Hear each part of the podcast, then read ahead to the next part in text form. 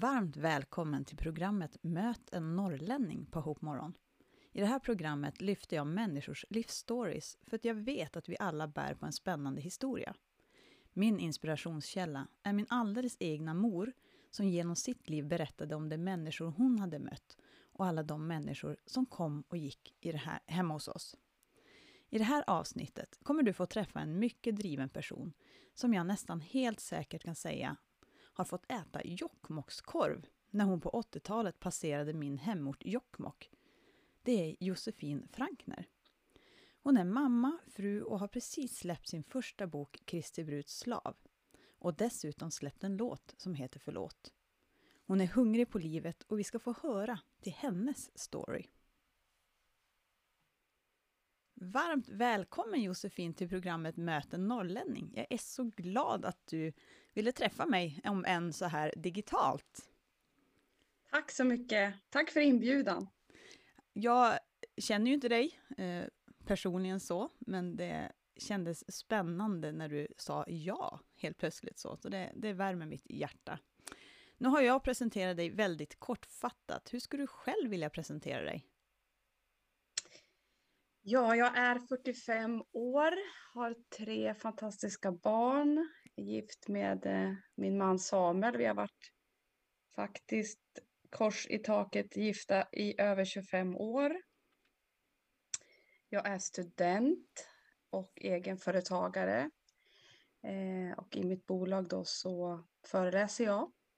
Jag är författare och har i april 2021 släppt min bok tillsammans med Cecilia Gustafsson, Kristi brudslav, mitt, mitt liv i sektens hjärta. Och eh, det, det talar om mitt liv i 25 år i Knutbysekten. Eh, och den delen av mitt liv är väldigt mörk, väldigt smärtsam, men innehåller hopp och ljus och jag sitter här, jag lever och är på andra sidan och det vill jag berätta om. Alltså det, jag tänkte ju precis på det här att du hade släppt din bok då och eh, det fångade ju mitt intresse när jag kände att jag ville ha, liksom, jag ville ha som svar på frågor som jag har burit delen, större delen av mitt liv. Eh, och det fick jag faktiskt genom den här boken tycker jag. Och mm. dessutom, oh, så, dessutom så fångar ju du mitt intresse lite extra när du skrev att du hade besökt min hemort Jokkmokk. Ja, precis, vad Om härligt. En, det, det, var ju ganska länge sedan, men, men eh, ändå det var så här, jag antar att du fick smaka på Jokkmokkskorven. Det fick jag säkert. Jag, mm. jag har ju detta härliga barndomsminne. Varför vi åkte förbi Jokkmokk var ju att, och nu ska jag säga direkt här till alla lyssnare att jag kommer nog snöa in lite på norrländskan för att jag har ju bott i Dalarna och det är ju uppåt och sen så, och när någon pratar norrländska då hänger jag lätt på så det kanske blir lite norrländska av bara farten. Ja men det gillar jag. Men, eh, ja, men varför vi var i Jokkmokk då när jag var som barn det var att min farmor kom från Nordnorge och eh, jag fick förmånen att tillsammans medan min farmor och farfar levde eh, åka upp tillsammans med dem och min familj till Nordnorge då, till Narvik och då passerade vi då Jokkmokk. Och varför det här minnet har satt sig så, det är ju för att eh, min farfar då hette Arne Waldenvik och han eh, hade jobbat då som pastor, men mycket inom sjukhusmissionen. Men han hade ju då kontakt med troende människor över hela Sverige. Och då uppe i Jokkmokk så fick vi över natten då, för vi, vi, vi kom ju bara över natten eftersom vi passerade och bo då hemma hos en, en eh, varmt troende människa, en äldre man. Och det jag minns från den här mannen är ju hans stora händer som dasslock. Och sen det här fikat som var härliga tjocka korvmackor och då var det säkert Jokkmokkorv. och te och sen få sitta och höra och honom berätta om sitt liv och det fångade verkligen mig som, som barn där. Ja, det är så härligt att höra och det, och som sagt, det fångade mig verkligen i början av boken. Jag bara, det här, det här vill jag verkligen lyssna, eller jag, jag lyssnar ju på böcker ofta, så det vill jag lyssna ja. vidare på. Så. Ja. Jag brukar alltid ställa frågan varför kristen till mina gäster, men idag så skulle jag vilja omformulera frågan. Liksom, har du kvar din tro på Gud med tanke på allt det du har gått igenom? Ja, tack, det är en väldigt fin och bra fråga. Och jag skulle säga att eh, jag har kvar min tro. Jag har beskrivit det i min bok som att när det som eh, hände i mitt liv att jag vad ska jag säga, blev väldigt, väldigt eh, utnyttjad på grund av min tro eh, som fanns i mitt liv från barndomen. Och det som jag kan, kan se, det som hände, det är att min tro fanns där sedan jag var liten och det, det byggdes som en murstock om man tänker att, att mitt liv är ett hus. Och så byggdes tron sakta men säkert som en murstock i det där huset. Eh, men det som byggdes upp tyvärr och som användes i kristna vad ska jag säga, vokabulär eller att det här görs i Guds namn. Det byggdes i det här huset men det rasade, för det var inte byggt på den tron som jag en gång hade fått lära mig av att det är en god Gud. Och när allt det här som byggdes runt omkring rasade, för det gjorde det, hela mitt liv rasade verkligen där, som ni kan läsa om i min bok 2016, då fanns murstocken kvar. Och den tron har jag kvar trots allt jag har gått igenom och den är liksom som orubblig. Men den är, jag har beskrivit det som en väldigt enkel barnatro. Eh, för att det är som en väldigt enkel, trygg förtröstan på Gud. Jag tyckte det var väldigt bra förklarat, mm. måste jag säga. Men jag vill, jag vill liksom passa på också att tacka dig för att du valde att ge ut den här väldigt välskrivna boken ändå, för jag tycker den var ärlig och känslofull. Och jag, jag har ju mina känslor på utsidan som mina barn säger. Och jag har verkligen känt så ilska, kärlek, hopplöshet. Och det har gått liksom över även till hopp och kämpa, man har sett den här kämparglöden och, och ändå seger på något sätt. Ja, alltså hela registret verkligen. Och jag har gråtit en hel del. Och mm. mitt i allt det här så kunde jag så känna en enorm tacksamhet. Och jag vill verkligen uppmana alla lyssnare att verkligen köpa den här boken, lyssna till den här boken. Alltså, ja, det, den är, det var verkligen en berörande bok på så många sätt. Tack så mycket. Tack för de fina orden. Och jag vill också passa på att säga att den är så välskriven är ju tack vare min medförfattare Cecilia Gustafsson då, som arbetar på bokförlaget Polaris. Eh, utan henne hade jag aldrig orkat mig igenom den här bokprocessen och dokumentera mitt liv och sen att det görs på ett sådant professionellt sätt. Så att det, jag vill passa på igen och tacka henne för, för det fina samarbetet. Och jag måste ju bara få, när vi ändå pratar om boken, vad tyckte du var liksom det mest utmanande med att skriva den? Oj, ja det är faktiskt ganska många delar, men såklart så är ju våndan mot min, min familj, mina barn. Vi var ju helt överens i processerna, men sen vet man ju också att ett sånt här trauma tar många, många, många år och saker kan komma och gå i processen. Så det var en väldigt svår avvägning i vissa delar, vad vi skulle ta med och inte.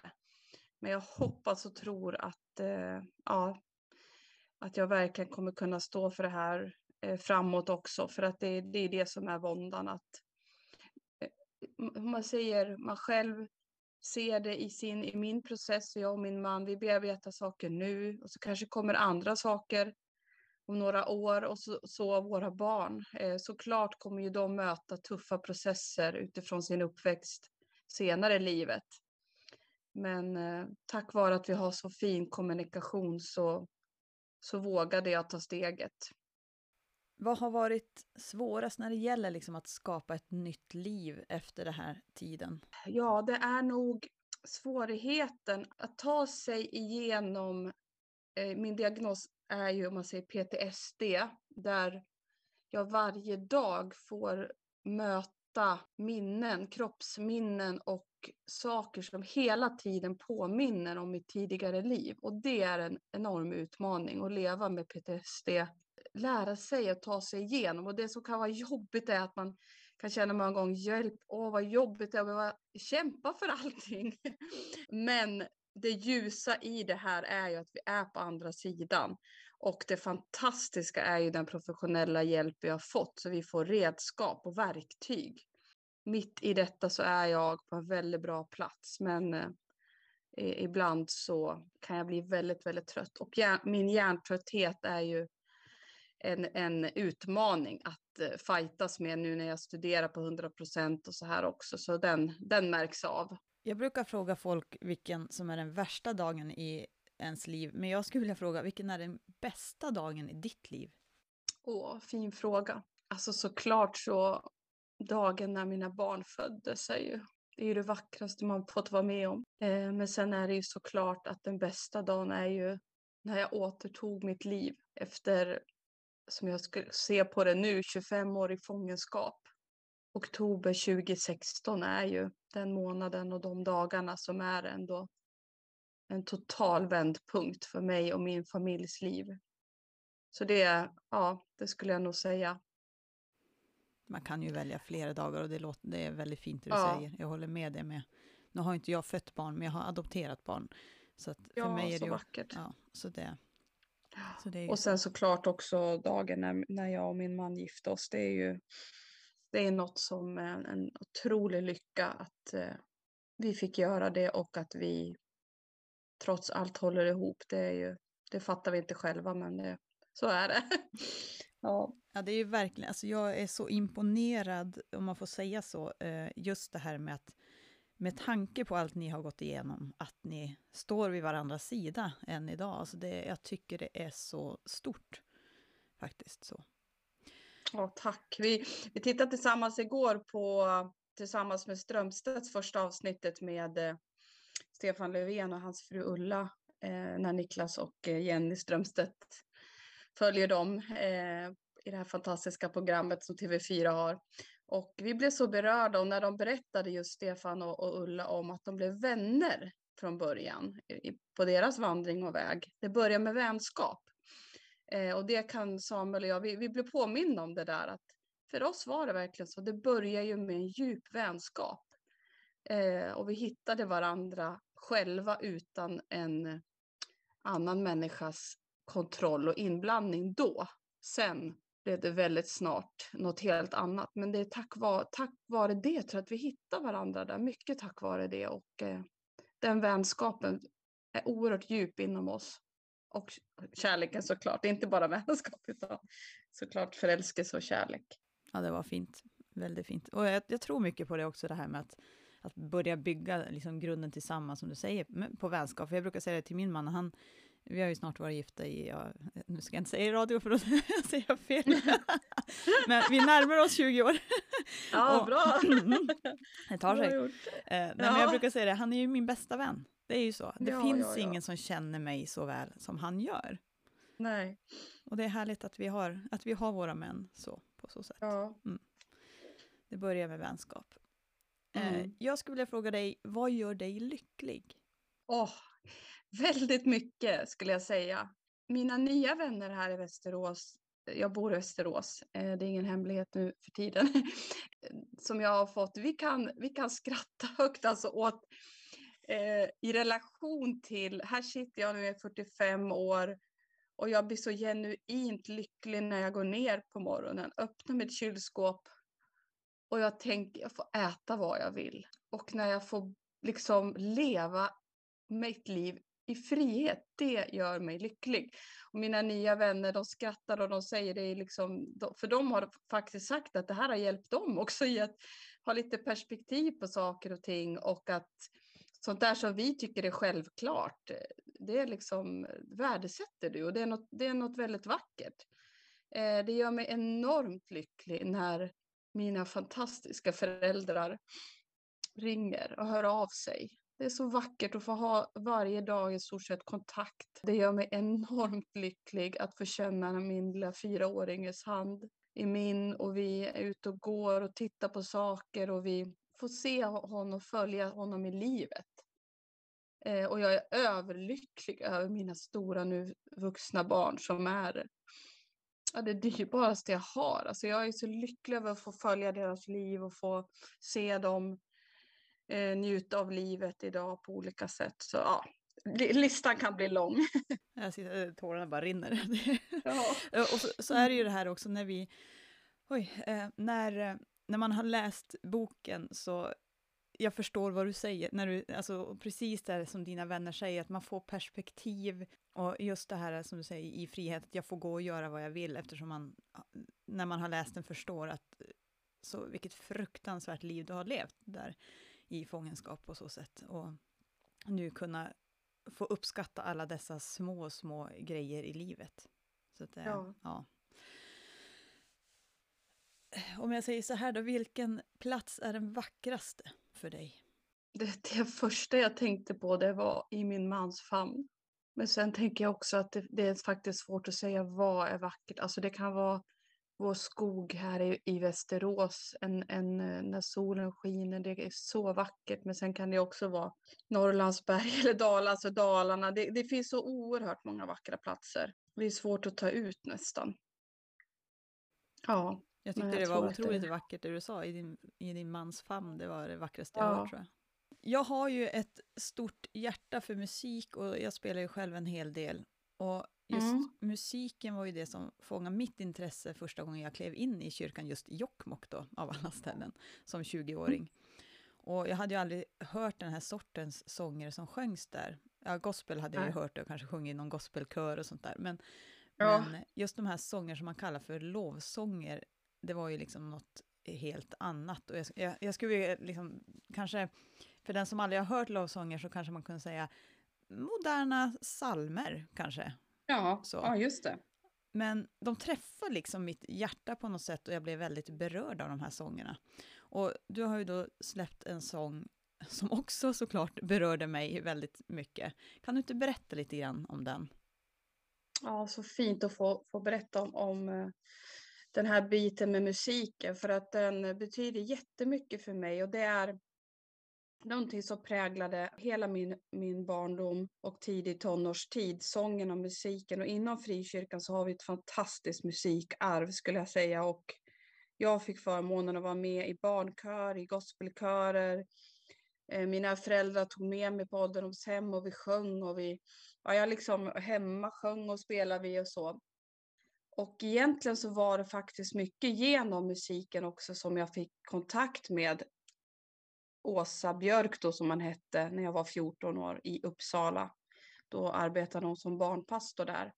Och hon eh, ja, men fångade in mig genom musiken också en, som en del i, i arbetet där i kyrkan och jag fick vara med och sjunga sol och så här. Och jag älskade ju det. Men sen genom att jag blev kontrollerad av, av den här ledaren som själv ville ha plattformen och inte låta någon synas och få höras så blev jag tystad och kvävd. Och liksom på bestämda tidpunkter fick jag sjunga och sådär. Men sen då när jag kom loss eh, och vi tog oss ur 2016 och när jag sen började skriva min bok under, och det var ju under tre år egentligen som jag processade min bok. Under den tiden så kom även texter inom mig som jag tänkte, tänk om jag någon gång liksom få skriva musik. Fast jag tänkte inte ta ens tanken då att jag någonsin skulle våga sjunga igen. Men det kom då åtta texter. Och sen 2020 så sitter jag hemma i soffan och vi tittar på Skavlan som vi brukar göra. Och då sjunger, det var i oktober 2020, då sjunger Helene Sjöholm en fantastisk sång som heter Jag är elden som eh, Jonathan Järpehag och Paulina Palmgren har skrivit text och musik. Och jag blev så berörd. Alltså det var som att någon tände en tändsticka och det satte fyr i mitt inre. Och jag tänkte nej, nu, nu måste jag göra något. Så jag kontaktade faktiskt eh, Jonathan Järpehag och frågade om han ville titta på mina texter, vilket han gjorde. Så fint. Och sen har det ena lett till det andra. Jag har fått fantastisk hjälp av så många människor. Alltså listan är så lång så att... Men eh, eh, en, en, en, någon som har betytt mycket i det här är ju då min röstbyggare som jag landade hos till slut som heter Sara Nordenberg. Eh, och där jag då vågar börja sjunga igen och hon säger att jag sjunger fint och jag börjar tro på det, att det kanske är så att det här bär liksom. Eh, så därför, och sen har jag då åtta texter, men vi, vi kände då, eh, jag och då den eh, musik, eller pianisten som jag har fått jättefin kontakt med som heter Daniel Dahlqvist som har satt musik då till tre av texterna att det var, det var liksom bra att börja med förlåt. Jag, jag känner jag vill börja där. De här, de här texterna, åtta texterna handlar om mitt, mitt liv på olika sätt eh, i vad jag har gått igenom. Men förlåtet kändes så viktigt att få börja med. Och det här förlåtet är först och främst till mina barn. Eh, men även ett förlåt till de människorna som jag tvingades och som jag har utsatt under den här, de här tuffa åren i den här sekt, destruktiva sektmiljön. Eh, och jag ska säga att jag tvingades, men jag har ju ansvar för det jag har, har gjort. Och därför kände jag att jag vill ta ansvar för, för vad jag har gjort. Och därför vill jag säga förlåt. Så att, ja, nu var det en lång, långt här om den här förlåt, men ja. Nej, men jag tycker det, det är härligt att få höra storyn bak i en låt också, för det betyder ju, det, det ger ju mer, ännu mer betydelse till just låten också. Och den finns ju ute på Spotify, så man kan ju lyssna på den ja. där. Och ja, verkligen. Har, har, du hunnit göra en, alltså spela in en skiva rent av, eller kommer du producera, lägga dem på Spotify? Ja, jag, det, jag, jag, vågar inte säga det än hur det kommer att utveckla sig, men tanken är ju att vi fortsätter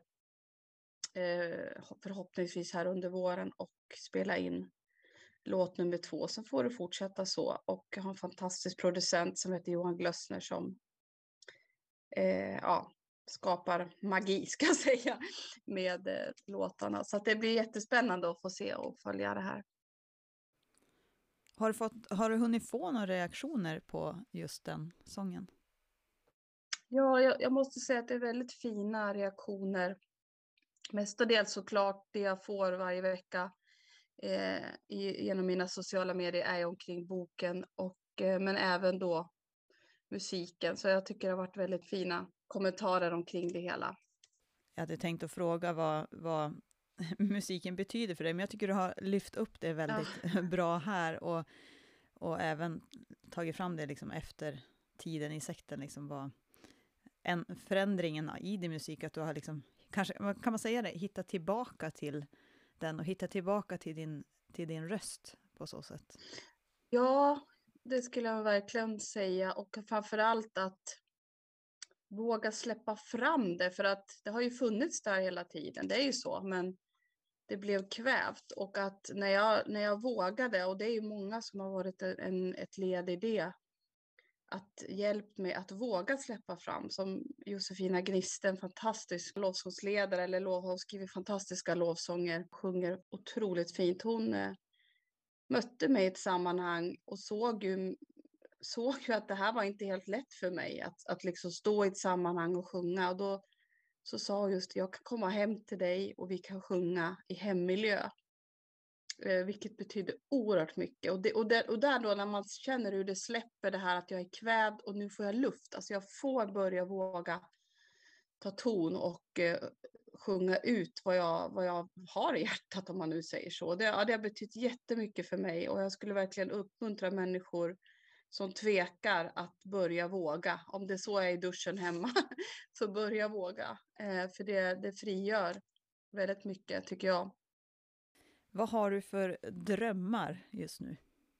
Åh, hjälp, jag har lite för många drömmar.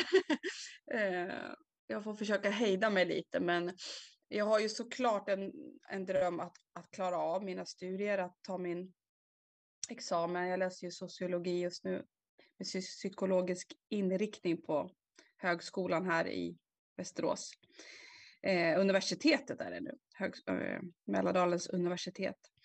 Eh, så det är ju en stor dröm jag har och sen eh, så är ju såklart drömmen att få fortsätta med, eh, jag föreläser eh, och att få utveckla det och sen kombinera det med musiken. Så att jag kommer ju ha ett event i Göteborg och Stockholm här i höst genom Attico event där jag kommer både tala och sjunga då. Så att jag tror på den eh, kombinationen tror jag kan bli riktigt bra faktiskt. Så att det blir spännande att se hur det kommer utvecklas.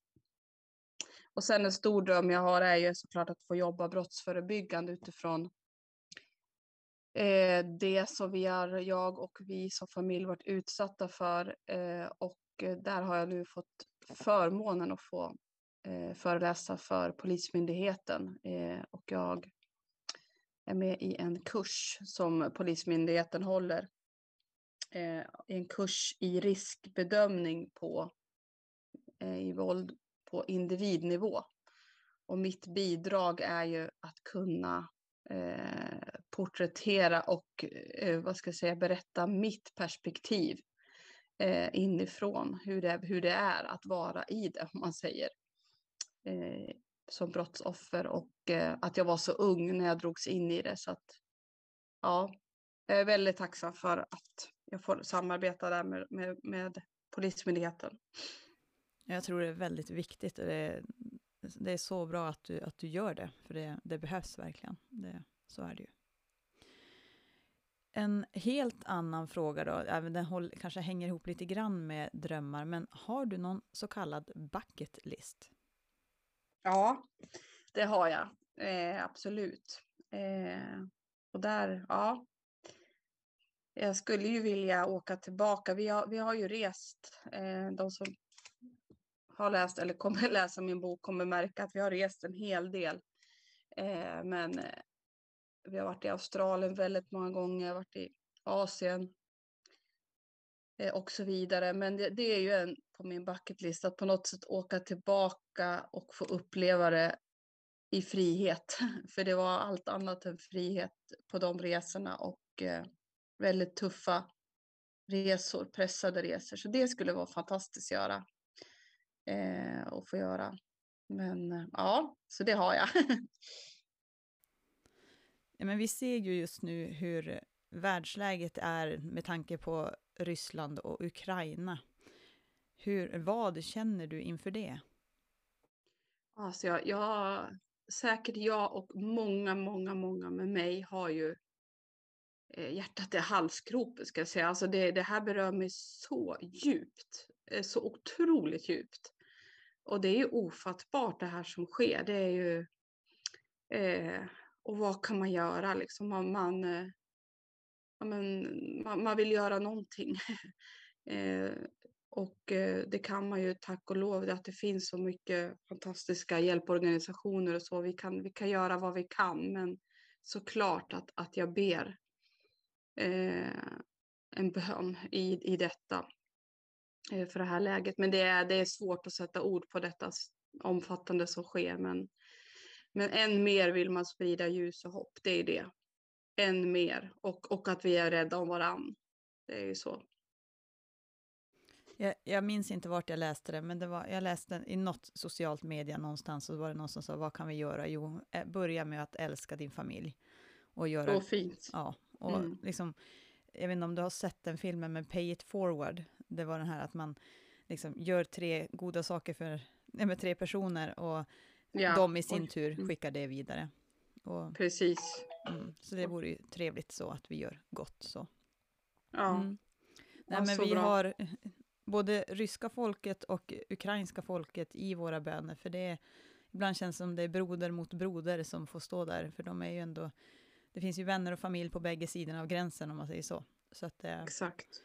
det är mycket så. Jag fick glädjande nyheter i morse faktiskt, att eh, min kompis i USA som jag lärde känna eh, en gång, hon är från Ukraina, hennes syster har mm. precis kommit fram med sina två döttrar till USA i säkerhet. Oh. Så det, Ja. Det värmde mitt hjärta. Ja det förstår Men jag. hennes mormor som är så sjuk så hon kan inte resa och hennes mamma Nej. är ju kvar i Ukraina. Och mm. hennes bröder. Så att, ja. så att eh, jag tänker väldigt mycket på dem. Och det, jag tror alla är berörda på något sätt. Det, det tror jag. Av det här. Ja. Mm. Mm. Jag tänkte ju börja avrunda här också och avslutningsvis kunna, eller vilja ställa frågan om det är något särskilt som du skulle vilja skicka med till de som lyssnar. Ja, så fint. Tacksamma när jag får en sån fråga. Eh, alltså något som ligger väldigt högt upp på mitt hjärta och som jag vill skicka med det är ju att, eh, att, att, att vi var och en eh, behöver vara väldigt eh, vaksamma och rädda om oss själva, snälla mot oss själva och, och eh, stå upp för oss själva. Jag tror inte kanske att det vanliga är att man dras in i sådana här eh, tuffa destruktiva sammanhang som jag och min familj var med i, men det finns ju tendenser tyvärr överallt i samhället av ett maktmissbruk på olika sätt. Och där tror jag jag skulle vilja skicka med att var noga med eh, att eh, vara snäll mot dig själv. Sätt dig själv i första rummet. Eh, så det, ja, det, det vill jag skicka med.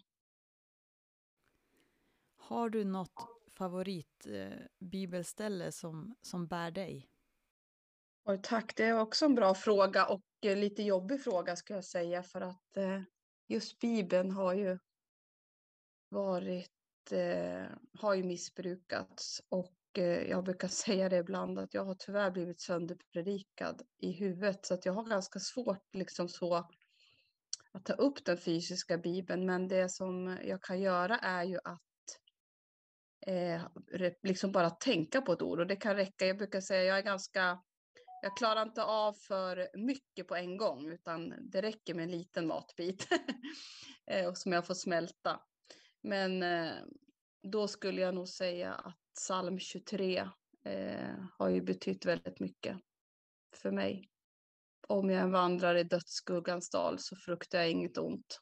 Ty du är med mig, din käpp och din stav. Det tröstar mig och så vidare. Och jag har en jag har gjort en liten tavla hemma utifrån det bibelordet eller bara, bara skrivit liksom. Och den, det står så här på den, var inte rädd. Även i dödsskuggans dal finns det hopp, oändlig kärlek når även dit. Det, ja, det är ett ord och det är utifrån psalm 23. Det var jättefint. Men jag vill, ge, eh, jag vill säga bara ett stort tack till dig Josefin för att du tog dig tid att gästa mitt program och berätta din story. Jag vill ändå passa på att liksom önska dig Guds rika välsignelse och lycka till med allt det som du tar dig för och allt som ligger framför dig. För det du, har, du har massor att stå i, så är det. Det, det låter spännande. Så vi får, jag, jag längtar till din nästa bok, ska jag väl säga. För jag tror du kommer skriva en till. Ja, den, ja, det hoppas jag. Tack så jättemycket för inbjudan och för de här, det här fina samtalet. Mm. Och eh, allt gott mm. till dig och alla lyssnare. Jag tyckte det var en sån fin liknelse när hon liknade sin tro med en murstock. Trots att allt runt omkring henne föll så stod hennes tro stadigt som den barnatro hon fick i unga år. Du har alltså lyssnat till Josefin Frankner och hennes story. Mitt i allt det här så är den vackraste platsen för henne i hennes mans famn. Och de bästa dagarna i hennes liv var alltså när hon gifte sig med honom och när hennes barn kom. Du kan köpa hennes bok på hennes hemsida josefinefrankner.se och där även länken till hennes låt finns. Tack för att just du har lyssnat.